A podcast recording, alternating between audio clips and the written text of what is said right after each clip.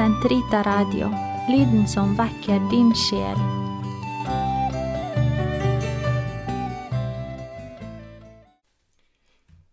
Denne annen uke etter pinsehøytiden så skal vi ta for oss den siste del av det tredje kapittel, nemlig om Den hellige ånd.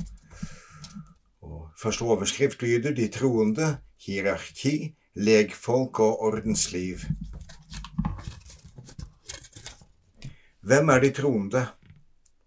Kristi troende er de som i kraft av å være innlemmet i Kristus ved dåpen utgjør Guds folk, siden de hver på sin måte har del i Kristi prestelige, profetiske og kongelige embete, er de kalt til å utøve den sendelse Gud har betrodd Kirken. Det er en reell likeverdighet blant dem i deres verdighet som Guds barn. Hvordan er Guds folk oppbygd?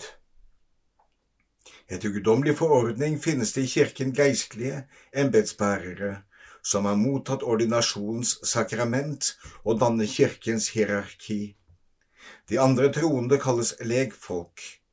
I begge grupper finnes det troende som ved å avlegge løfter om å leve etter de evangeliske råd, kyskhet, fattigdom og lydighet, på en særlig måte har viet seg til Gud. Hvorfor har Kristus innsatt et kirkelig hierarki? Kristus har innsatt et kirkelig hierarki med sendelsen og lede Guds folk i hans navn. Til dette formålet har han gitt det fullmakter.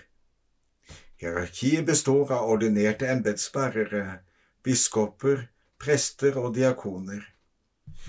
Med grunnlag i ordinasjonssakramentet handler biskoper og prester ved utøvelsen av sitt embete i Kristi hodets navn og person. Diakonene tjener Guds folk i ordets, liturgiens og kjærlighetens tjeneste, diakonia. Hvordan viser det kirkelige embetets kollegiale dimensjon seg? Lik de tolv apostler som av Kristus ble utvalgt sammen og utsendt sammen, står medlemmene av det kirkelige hierarkis enhet i tjeneste for fellesskapet av alle troende. Enhver biskop utøver sin tjeneste innenfor bispekollegiet i samfunn med paven og har med ham del i omsorgen for hele kirken. Prestene utøver sin tjeneste innenfor lokalkirkens presbyterium, i fellesskap med biskopen og under hans ledelse. Hvorfor har det kirkelige embetet også en personlig karakter? Det kirkelige embetet har også en personlig karakter fordi enhver i kraft av ordinasjonssakrament er ansvarlig overfor Kristus, som personlig har kalt ham og tildelt ham sendelsen. Hvilken sendelse av paven? Paven, biskop av Roma og den hellige Peters etterfølger er det varige og synlige opphav og grunnlag for kirkens enhet. Han er Kristi stedfortreder, hodet for bispekollegiet og den universelle kirkes hyrde. På grunn av den guddommelige innsettelse har han den øverste, fulle, umiddelbare og universelle myndighet over hele kirken. Hvilken oppgave har bispekollegiet? Bispekollegiet utøver i fellesskap med paven, og aldri uten ham, også den øverste og fulle myndighet over kirken. Hvordan oppfyller biskopene sin sendelse til å forkynne? Siden de er autentiske vitner for den apostoliske tro og er utstyrt med Kristi autoritet, har biskopene i fellesskap med paven plikt til trofast og med autoritet å forkynne evangeliet for alle. Ved troens overnaturlige skjønn holder Guds folk usvikelig fast ved troen under ledelse av Kirkens levende læreembete. Når utøves lærembedets ufeilbarlighet? Ufeilbarlighet utøves når paven i kraft av sin autoritet som kirkens øverste hyrde, eller bispekollegiet i fellesskap med paven, særlig i et økumenisk konsil, forkynner en lære om tro og moral gjennom en definitiv erklæring. Læreembedet er også uferbarlig når paven og biskopene i sitt ordinære læreembede er enige om å fremlegge en lære som endelig.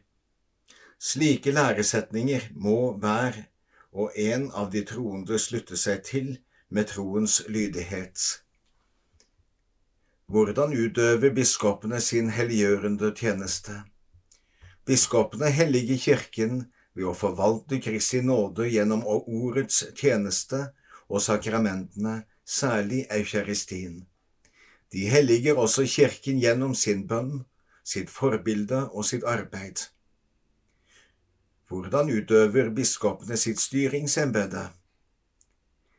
Enhver biskop bærer som medlem av bispekollegiet et kollegialt ansvar for alle lokalkirker og hele kirken, sammen med alle de andre biskoper som er forent med paven. Biskopene som blir betrodd en lokal kirke, styrer denne med sin egen hellige, ordinære og umiddelbare ledelsesmyndighet. Den utøves i kommunion med hele kirken og under ledelse av Peters etterfølger, i Den gode hyrde Kristi navn. Hvilke kall har det troende legfolk? Det troende legfolk har som sitt eget kall å søke Guds rike ved å opplyse og ordne de timelige ting i henhold til Guds vilje. På denne måte utøver de sitt kall til hellighet og apostolat, et kall som utgår til alle døpte. Hvordan har legfolket del i Kristi presteembete?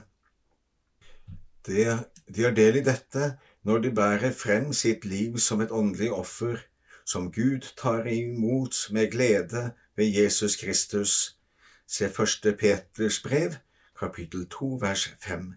Fremfor alt eukaristien. Dette gjelder deres liv med alt det de foretar seg, deres bønner og apostoliske virksomhet, familielivet og det daglige arbeid, prøvelser som tålmodig blir båret, og selv deres åndelige og legemlige bekvemmelighet. På denne måten ofrer også legfolk i verden til Gud, når det er engasjert i Kristus og innviet av Den hellige ånd. Hvordan tar de del i hans profetiske embete? De tar del i det ved alltid å motta Kristi ord og forkynne det for verden gjennom sitt livs vitnesbyrd, ord, evangelisering og katekese. Denne evangeliseringen blir særlig virksom fordi den utrettes under verdens vanlige forhold. Hvordan har de del i hans kongelige embete? Lekfolket har del i Kristi kongelige embete fordi de har fått makt fra ham til å overvinne synden i seg selv og i verden ved selvfornektelse og sitt livs hellighet. De utøver forskjellige oppgaver i fellesskapets tjeneste og bringer moralsk verdi inn i timelige aktiviteter og samfunnsinstitusjoners virksomhet. Hva er et liv viet Gud? Et liv viet Gud er en livstilstand som anerkjennes av Kirken. Det er et fritt svar på et spesielt kall fra Kristus, hvor de viede personene gir seg helt til Gud. Beveget av Den hellige ånd streber de etter fullkommen kjærlighet.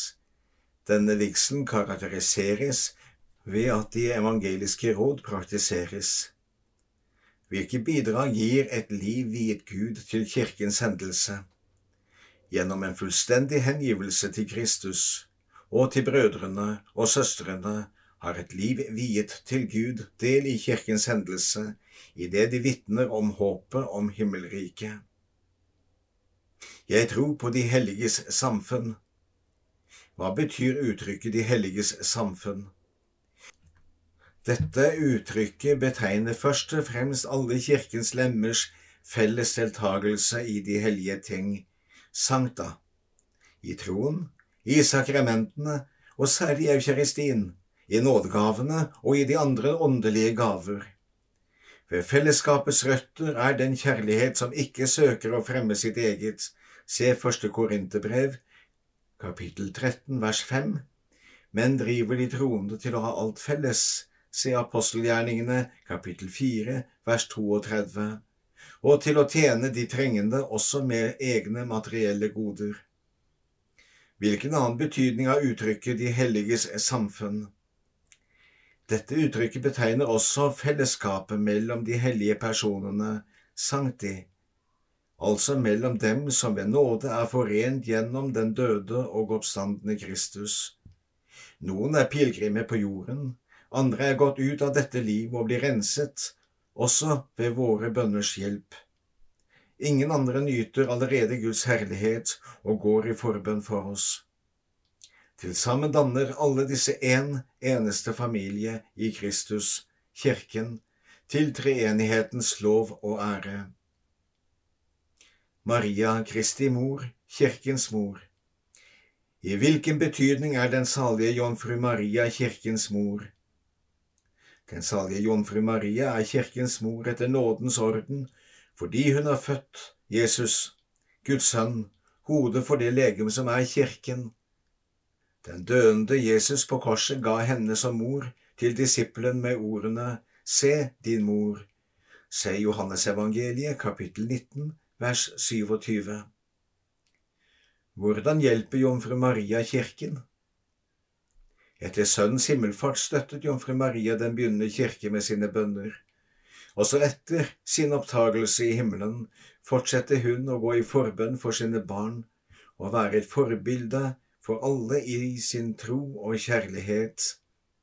Hun utøver en åndelig helsebringende innflytelse på dem som strømmer ut fra overfloden i Kristi fortjenester.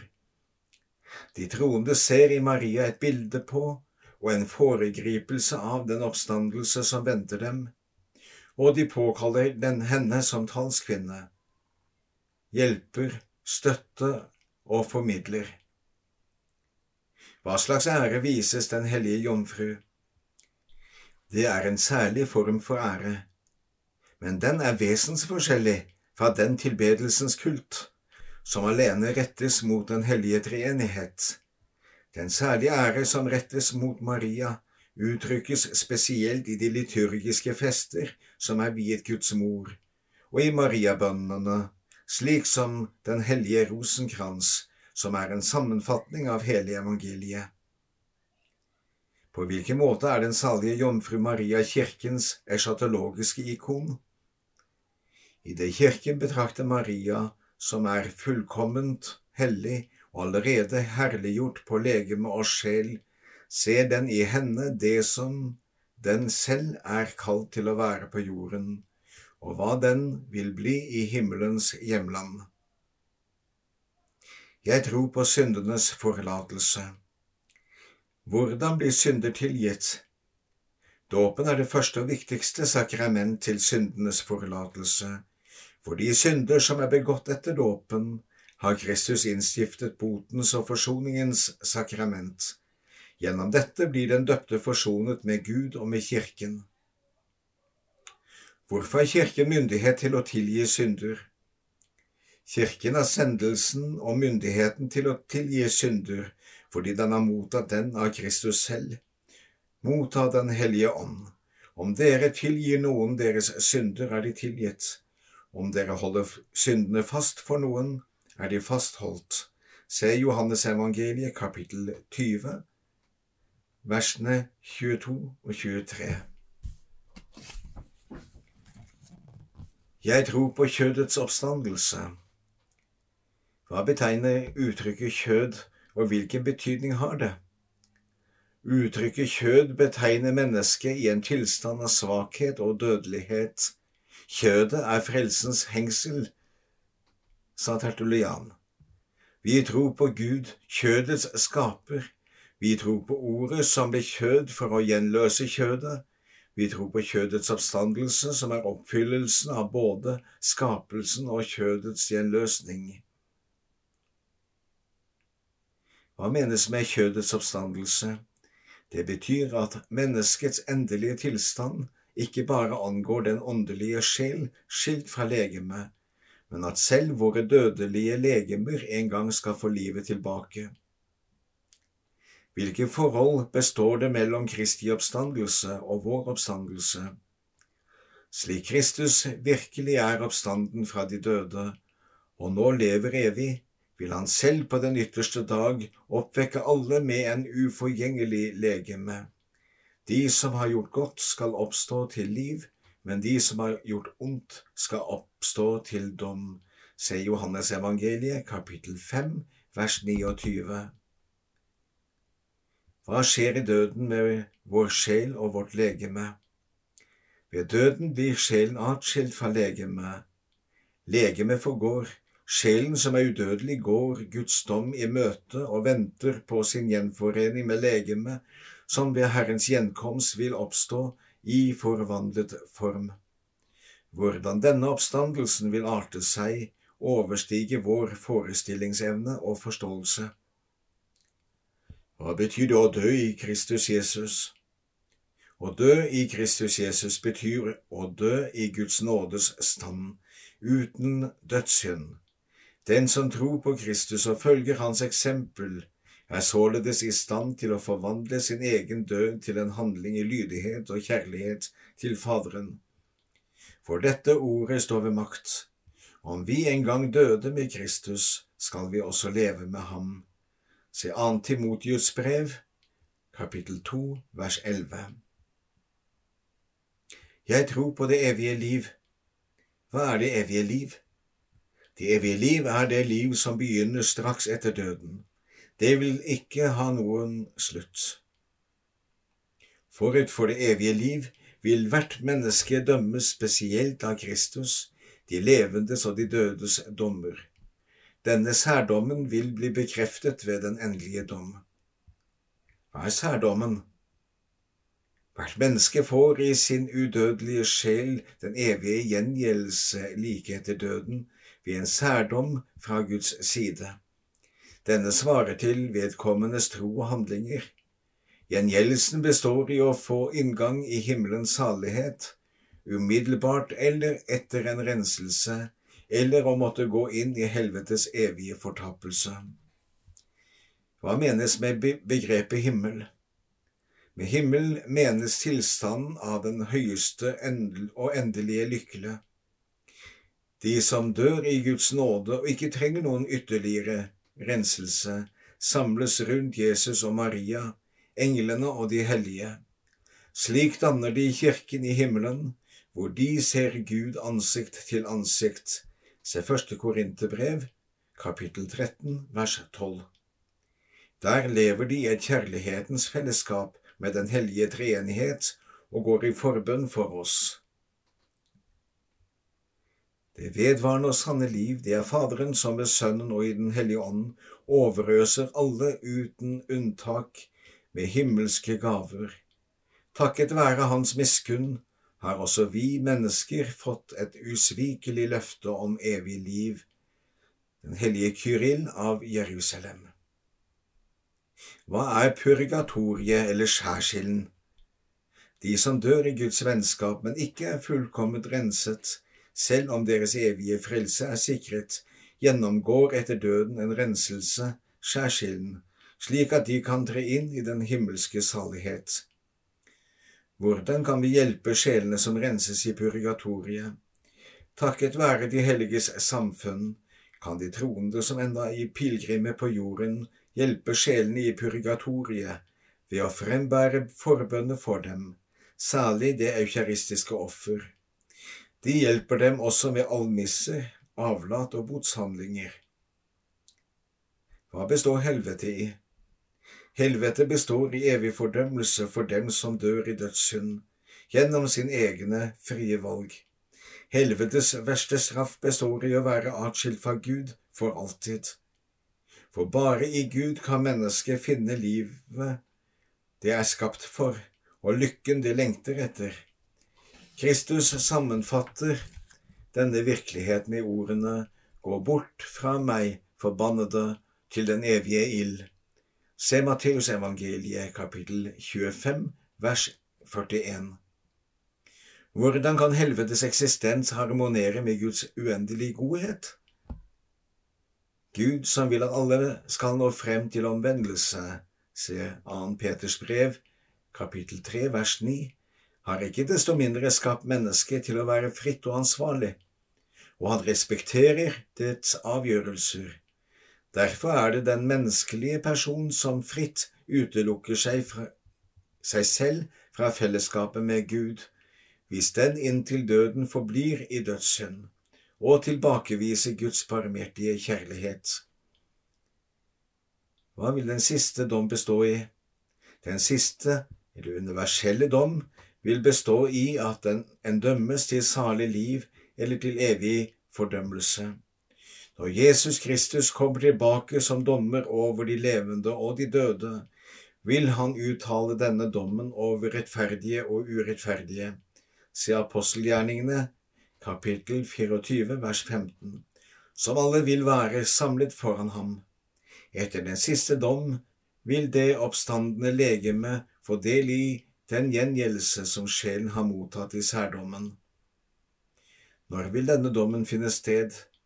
Denne dommen vil finne sted ved verdens ende. Dag og time kjenner Gud alene. Hva er håpet om nye himler og en ny jord? Etter den siste dom vil hele universet, befridd fra forgjengelighetens slaveri, få del i Kristi herlighet ved innvielsen av den nye himler og den nye jord. Se 2. Peters brev, kapittel 3, vers 13. Slik oppnås fylden av Guds rike, det vil si den endelige fullbyrdelse av Guds frelsende plan om å sammenfatte alt i Kristus, alt i himmel og på jord. Se Fesebrevet, kapittel 1, vers 10. Da vil Gud være alt i alle, i det evige liv. Se første Korinterbrev, kapittel 15, vers 28. Amen. Hva betyr ordet amen som avslutter vår trosbekjennelse? Det hebraiske ordet amen, som også avslutter den siste boken i Den hellige skrift, noen bønner i Det nye testamentet og kirkens liturgiske bønner, betyr vårt fullstendige og tillitsfullte ja til det vi har bekjent og tro, i det vi stoler helt på Ham som er det endelige amen. Kristus Herren. Se Johannes' åpenbaring, kapittel 3, vers 14. Neste uke så innleder vi annen del av kompendiet av Den katolske kirkes katekisme, nemlig feiringen av det kristne mysterium.